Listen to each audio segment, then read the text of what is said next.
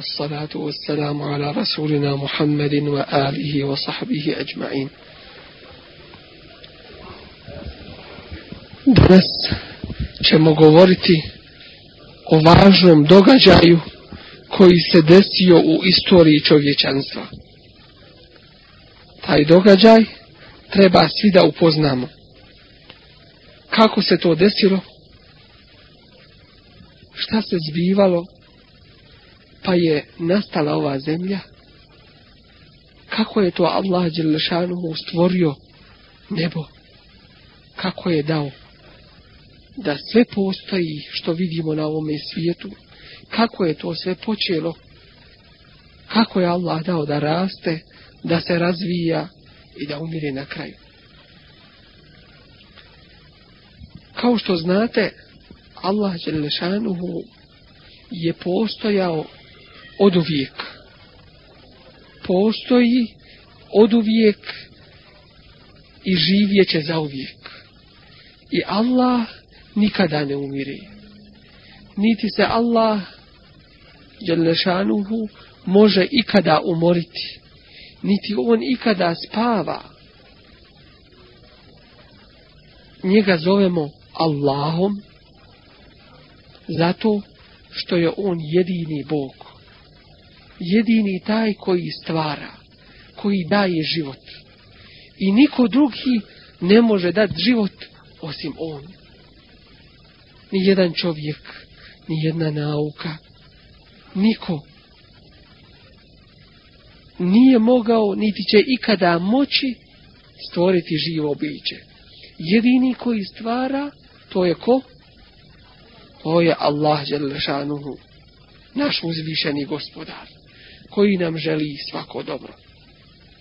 Rekli smo da je on od uvijek bio i da je postojao u vremenu kada nije bilo ni zemlje ni neba, ni ovih zvijezda, ni planina, ni planeta, ni mjeseca, ni sunca, tada je Allah Đelešanuhu postojao jer on je prvi i on je najmoćniji.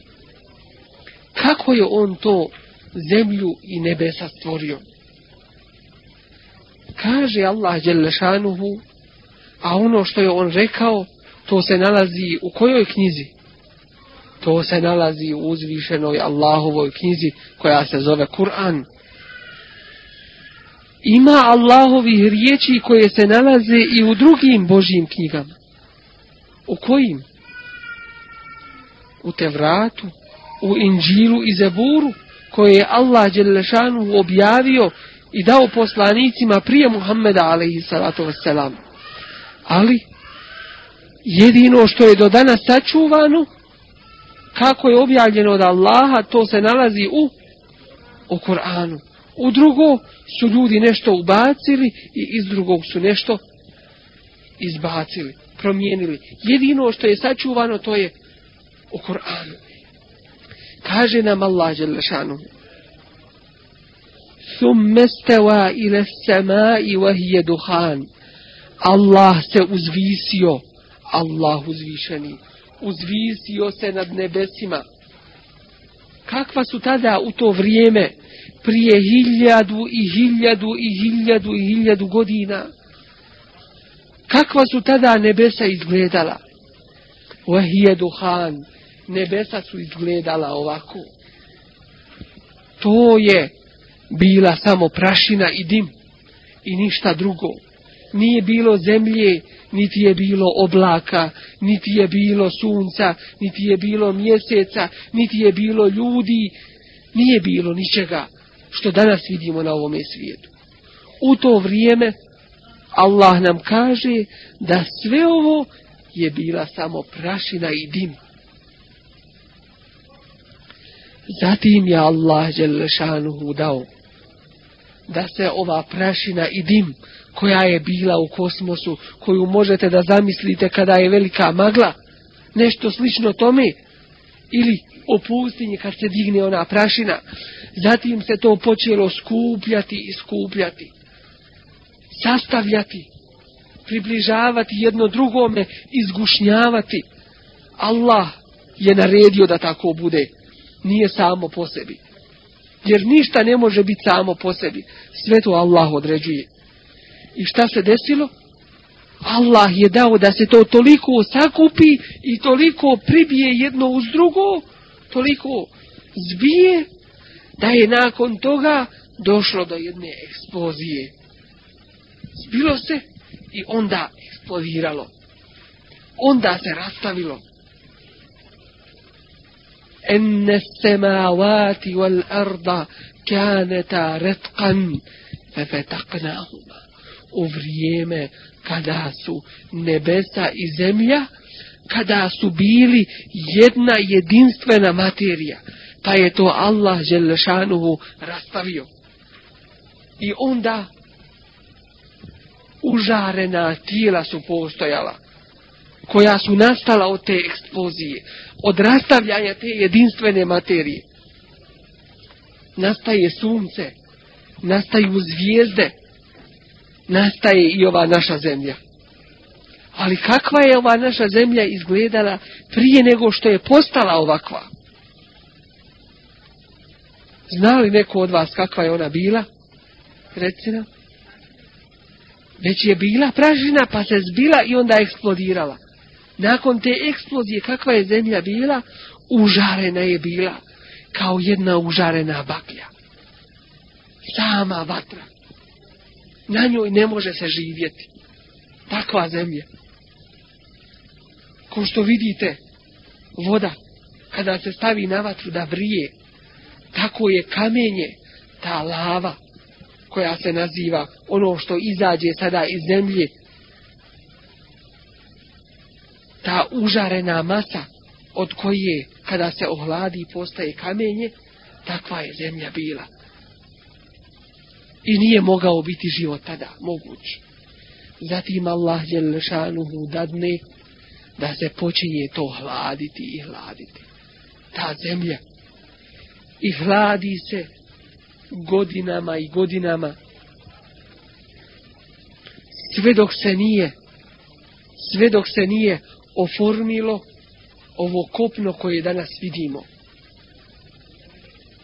Allah Đelešanuhu daje da padne kiša. Nije u to vrijeme kada je bila zemlja užarena masa, nije tada bilo kiše niti vode. Ali Allah stvara kišu. Dadne da pada kiša. I šta se dešava? Onda dadne da izvori izađu, da voda izađe na kopno da izađe na ovu zemlju. Onda dadne da počne rasti bilje. Raznovrsno drveće. Ono drveće koje danas ne postoji. Drveće koje je bilo ogromno. Jer u to vrijeme sve je bilo puno veće. Allah Đelešanuhu daje isto tako stvarajući tu zemlju. Znate li šta stvara Allah Đelešanuhu? stvara ova brda i ove planine. Zašto to stvara? I kako ih stvara? Ko to zna? Zna Allah Đelešanuhu koji nam je u Kur'anu rekao. Da je stvorio planine da čuvaju ovu zemlju. Jer ova zemlja je kakvog oblika? Kruglog oblika. I ona, da li ona stoji ili se kreće? Zemlja se kreće i to njeno kretanje, ko pokreće zemlju? Koja to materija? Ima li benzina u zemlji da se pokreće ta zemlja? Ima li motora da se pokreće? Ali ko pokreće tu zemlju? Allah želešanuhu. I ta zemlja, kad se kreće, mi vidimo kola kad idu, avion kad leti, vidimo da se drma, da nije to 100% stabilno. A ova zemlja je li stabilna? jeste mirna, a ona se kreće. Kako je ona mirna, a kreće se? Zato što je Allah stvorio planine. Dao da izniknu planine, da budu tačno na određenim mjestima. I oni čuvaju zemlju, da se zemlja ne trese prilikom svoga kretanja oko sunca. i zemlja je mirna. Inače, da se zemlja trese, ne bismo mogli na zaspati, ne bismo mogli hodati, ne bismo mogli jest kako treba, niti išta u svome životu raditi. Dakle, te planine učvršuju zemlju.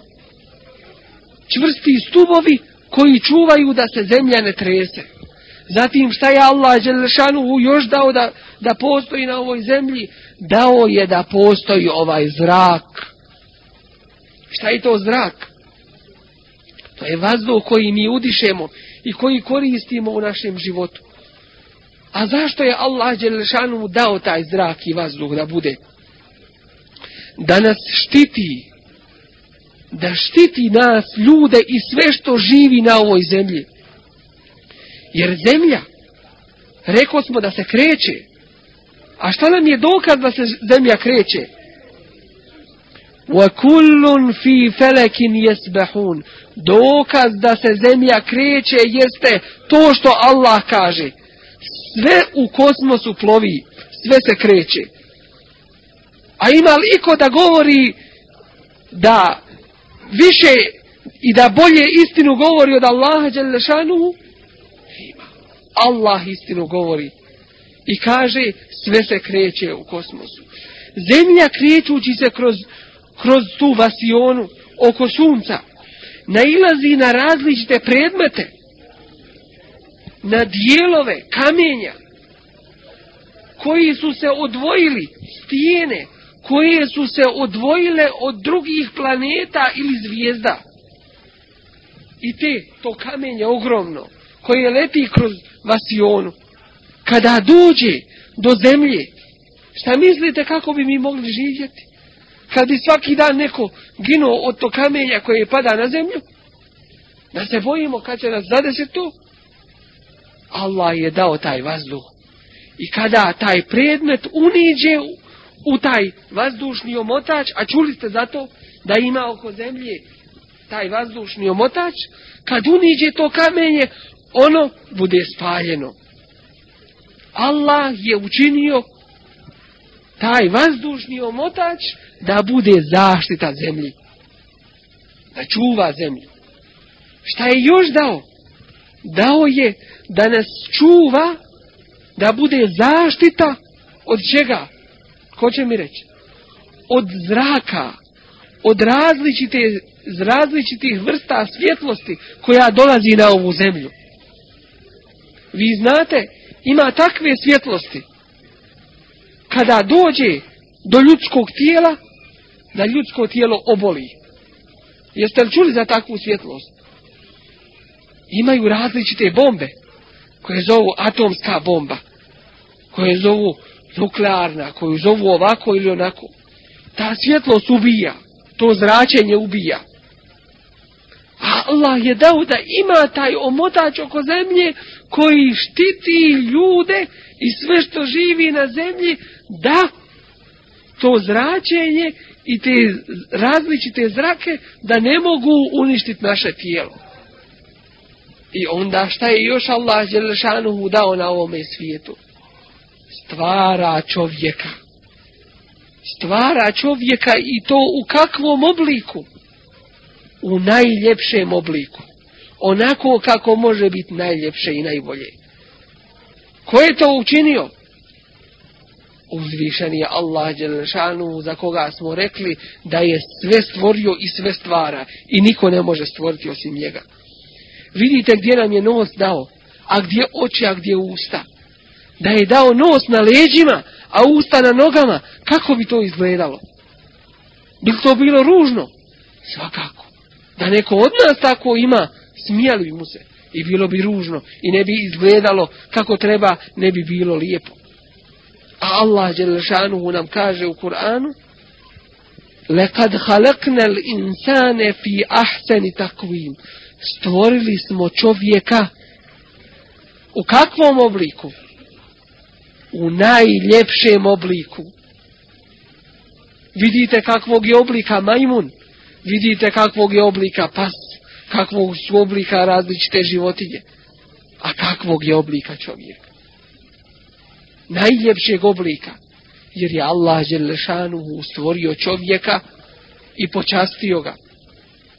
Stvorio čovjeka i učinio ga da bude častan.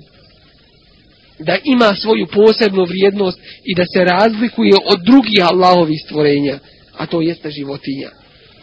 Po čemu se još čovjek razlikuje od životinja? Po mozgu i po pameti. Razlika je između mozga i pameti. Ima ljudi koji imaju mozak, ali ne imaju pameti. Ima životinja koje imaju mozak, ali životinje nemaju to, te mogućnosti razmišljanja. Iako imaju, šta životinje imaju? Imaju instinkt. A znate šta je instinkt? To je ono što je Allah Đelešanuhu naredio životinjama i u njima odredio da tako moraju raditi. I svaka životinja tačno zna šta mora da radi. Uzmimo mi kao ljudi. Jesmo li mi pametni? Neki jesmo, neki nismo pametni. Jel tako ili nije? Jesu svi ljudi pametni? Nisu, ima ih koji nisu pametni. Koji nisu pametni ljudi? Koji ne vjeruju. Koji kaže ja ne vjerujem Allah, ne priznajem, ne volim Allaha. Toga koji mi, je, koji mi je sve dao, koji me je stvorio i sve ostalo, učinio dobra za mene. Jesu ti ljudi pametni? Ne mogu biti pametni. E, ti pametni ljudi koji mogu razmišljati svojim mozgom, da li ti ljudi mogu napraviti med? Ne mogu. A mi pametni kažemo.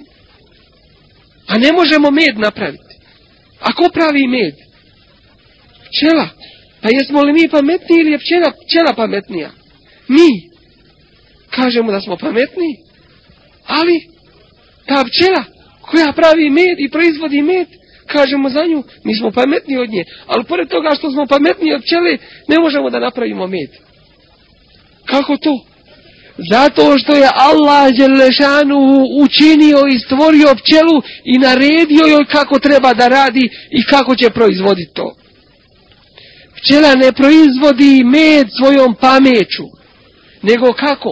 Allahovom odredbom. Allah joj naredi i kaže, odlazi. To je naredba svim pčelama. Tačno one to znaju. O, idi i kupi sa toga cvijeća ono od čega se proizvodi med.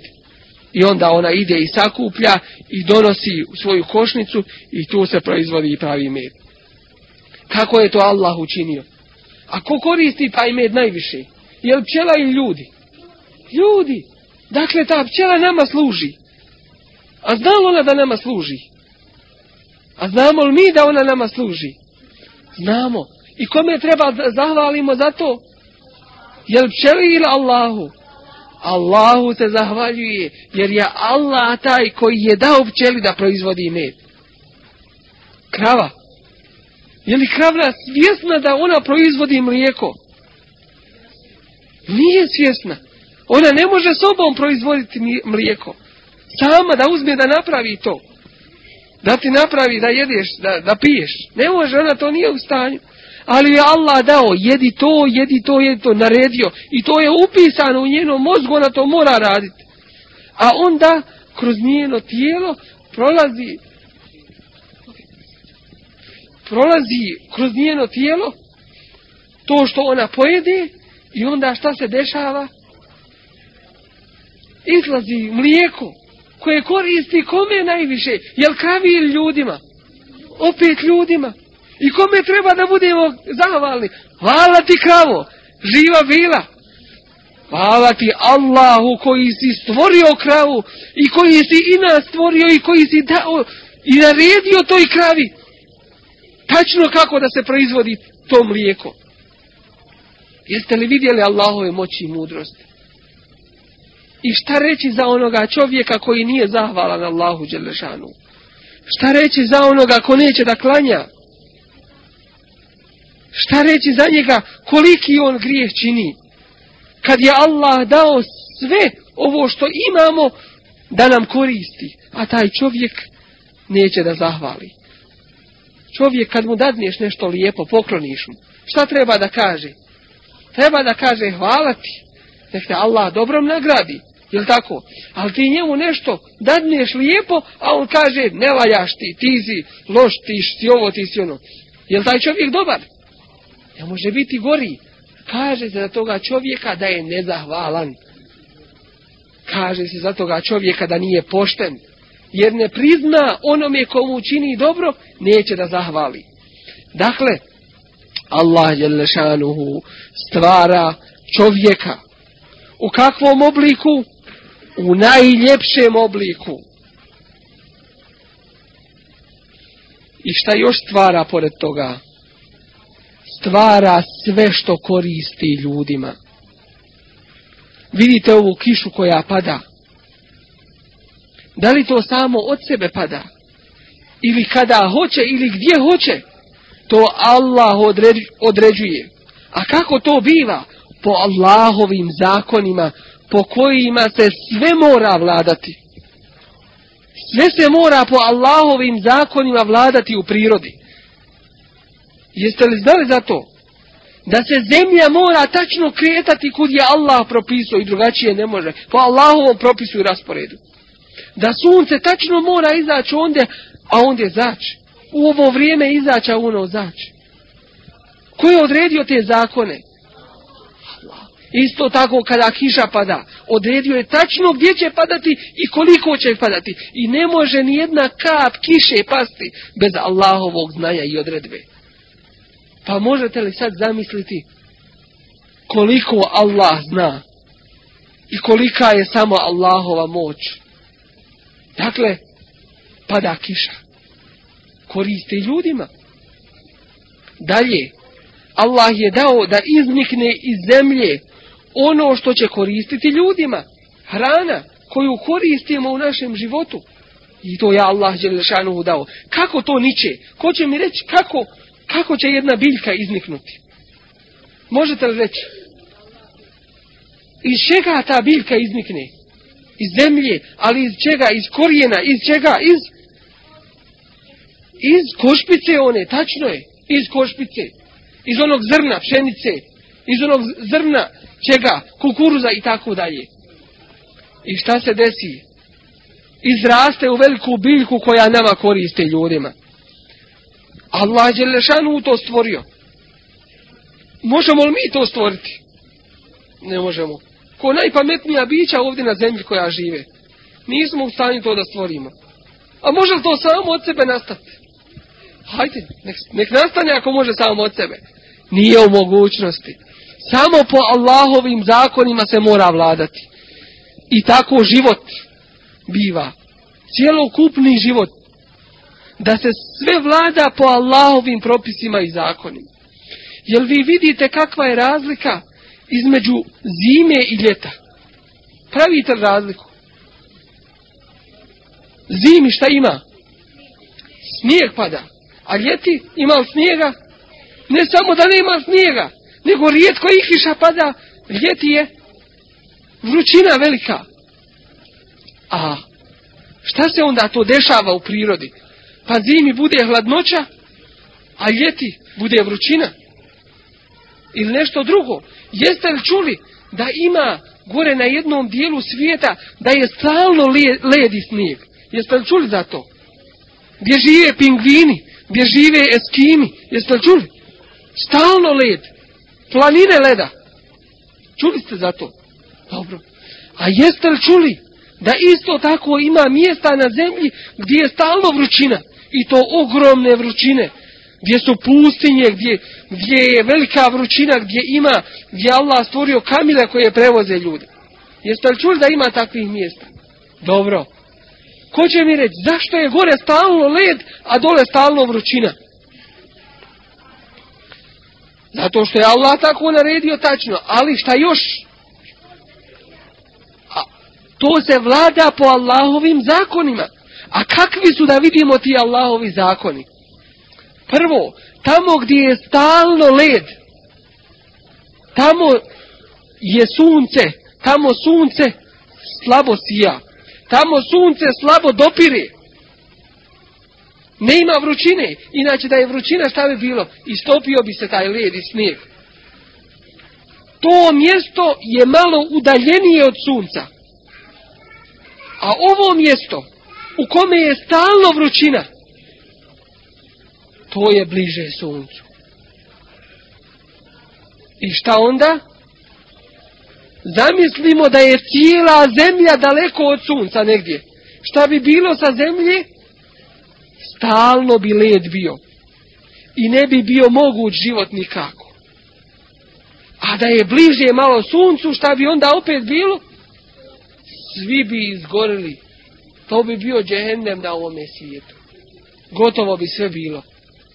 Tačno je Allah odredio gdje treba da bude zemlja i kako da se kreće oko sunca. Ne smije se približiti niti odaljiti.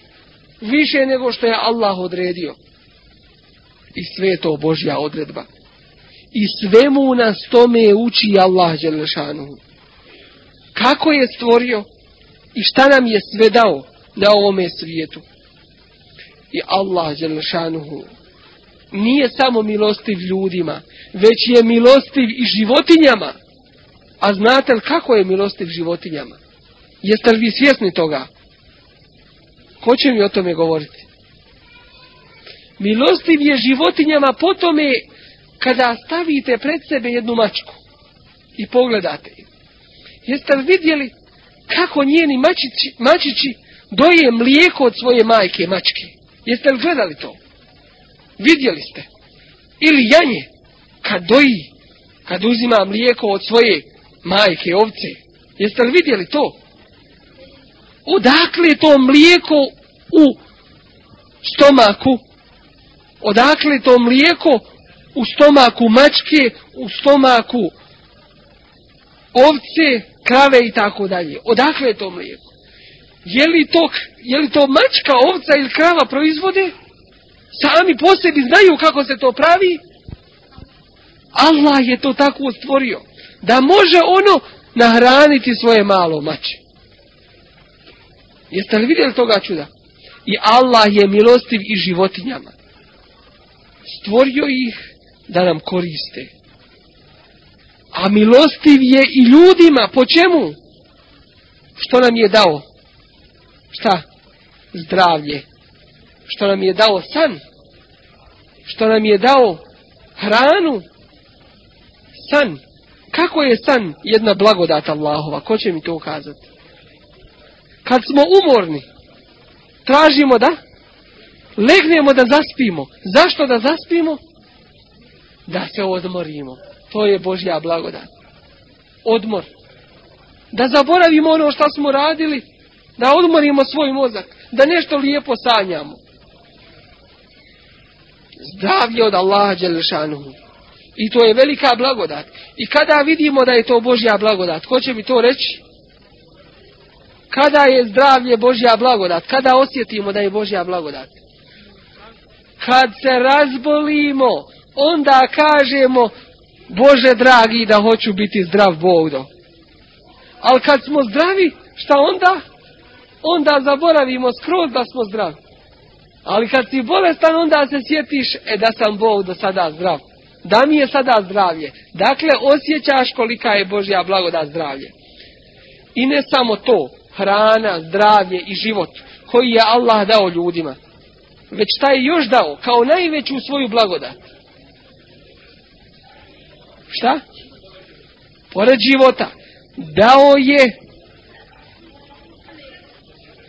sve što je stvorio i pored svih ovih blagodati, dao nam je, odredio nam kako treba da živimo.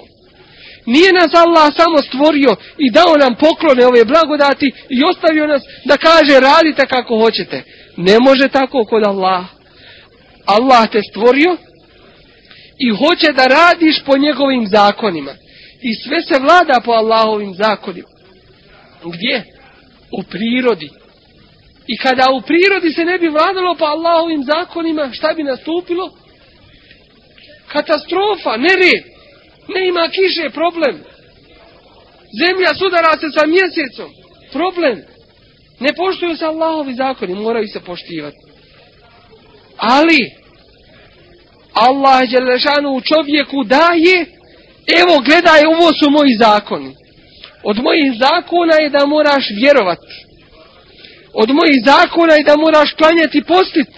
Od mojih zakona je da moraš biti poslušan i pokoran kome? Svojim roditeljima. Allahu svakako, pa svojim roditeljima onda. Od Allahovih zakona je da poštuješ starije. Od Allahovih zakona je da tražiš nauku, da učiš što više, da saznaš o Allahu Đelešanu što više. Jer kad učiš o prirodi, učiš isto tako i o Allahu Đelešanu. Kako? Jer je stvoritelj prirode ko? Allah. I kad učiš o prirodi, učiš i o Allahu. Učiš o Allahovoj moći, o Allahovom znanju i mudrosti.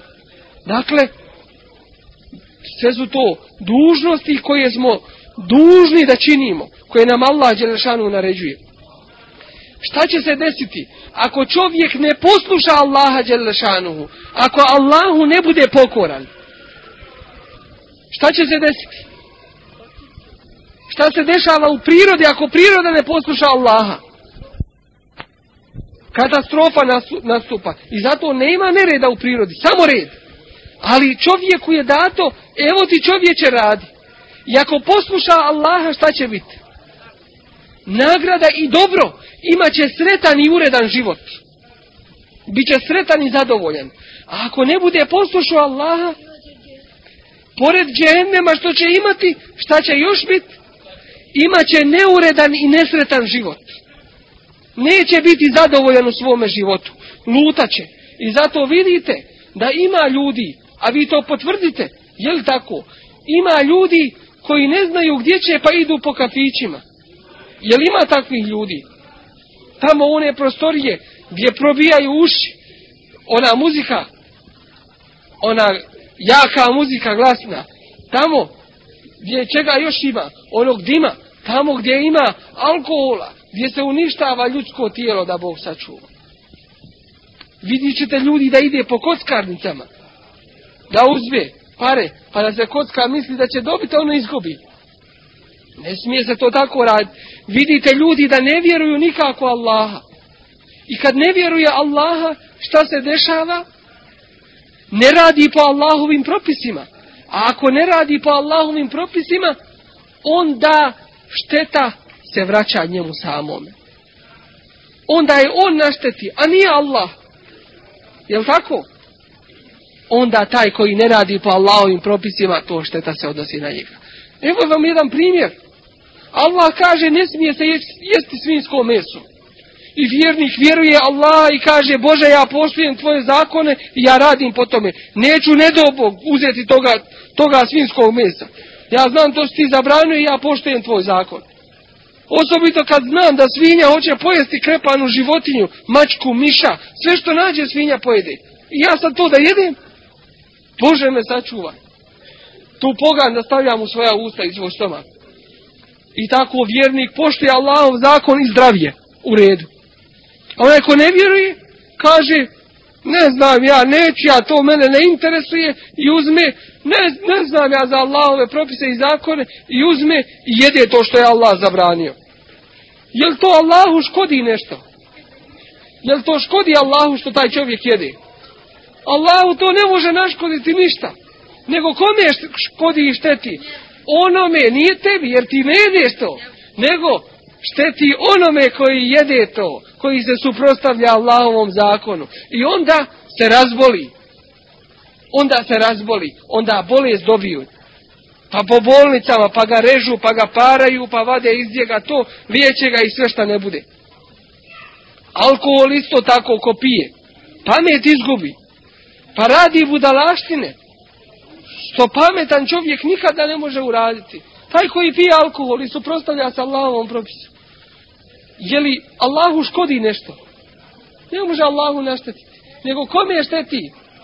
Samome sebi koji jede i pije to. Koji ne poštuje Allahove zakone. Onaj ko neće da klanja. Kome je šteti?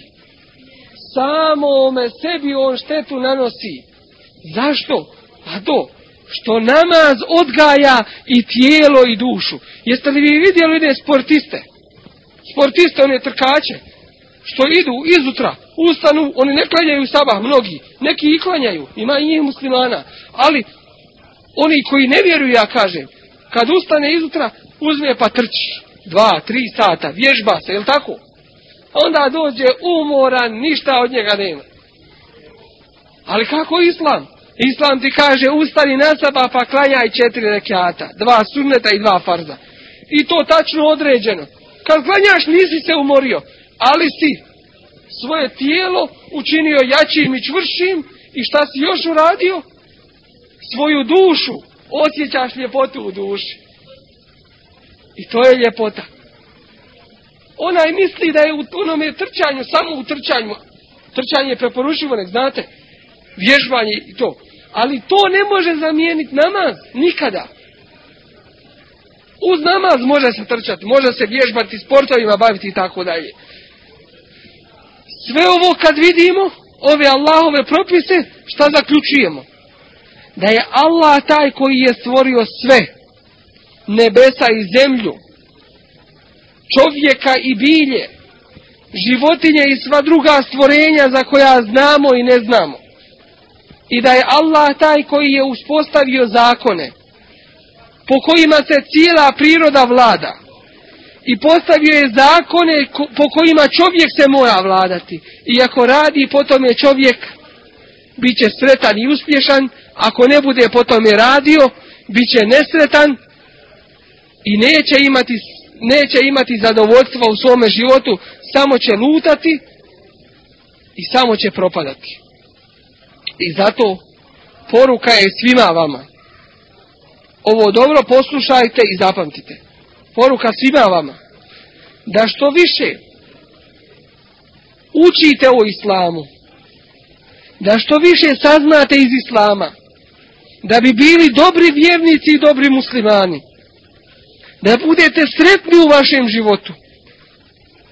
Dalje, da naučite i od drugih nauka koje koriste u ovom svjetskom životu preko koji ćete vidjeti veličinu Allaha Đelešanuhu i saznati sve što vam je korisno za življenje na ovome i budućem svijetu. Dužnost je baviti se naukom i to ostaje pred vama da se potrudite u vašem životu isto tako da izvršavate Allahove propise i da se čuvate strogo harama kao i da pazite svoje roditelje da budete im poslušni, da ih poštujete i da budete korisni svim ljudima. To je posljednja ova poruka, da je zapamtite i da to primijenite.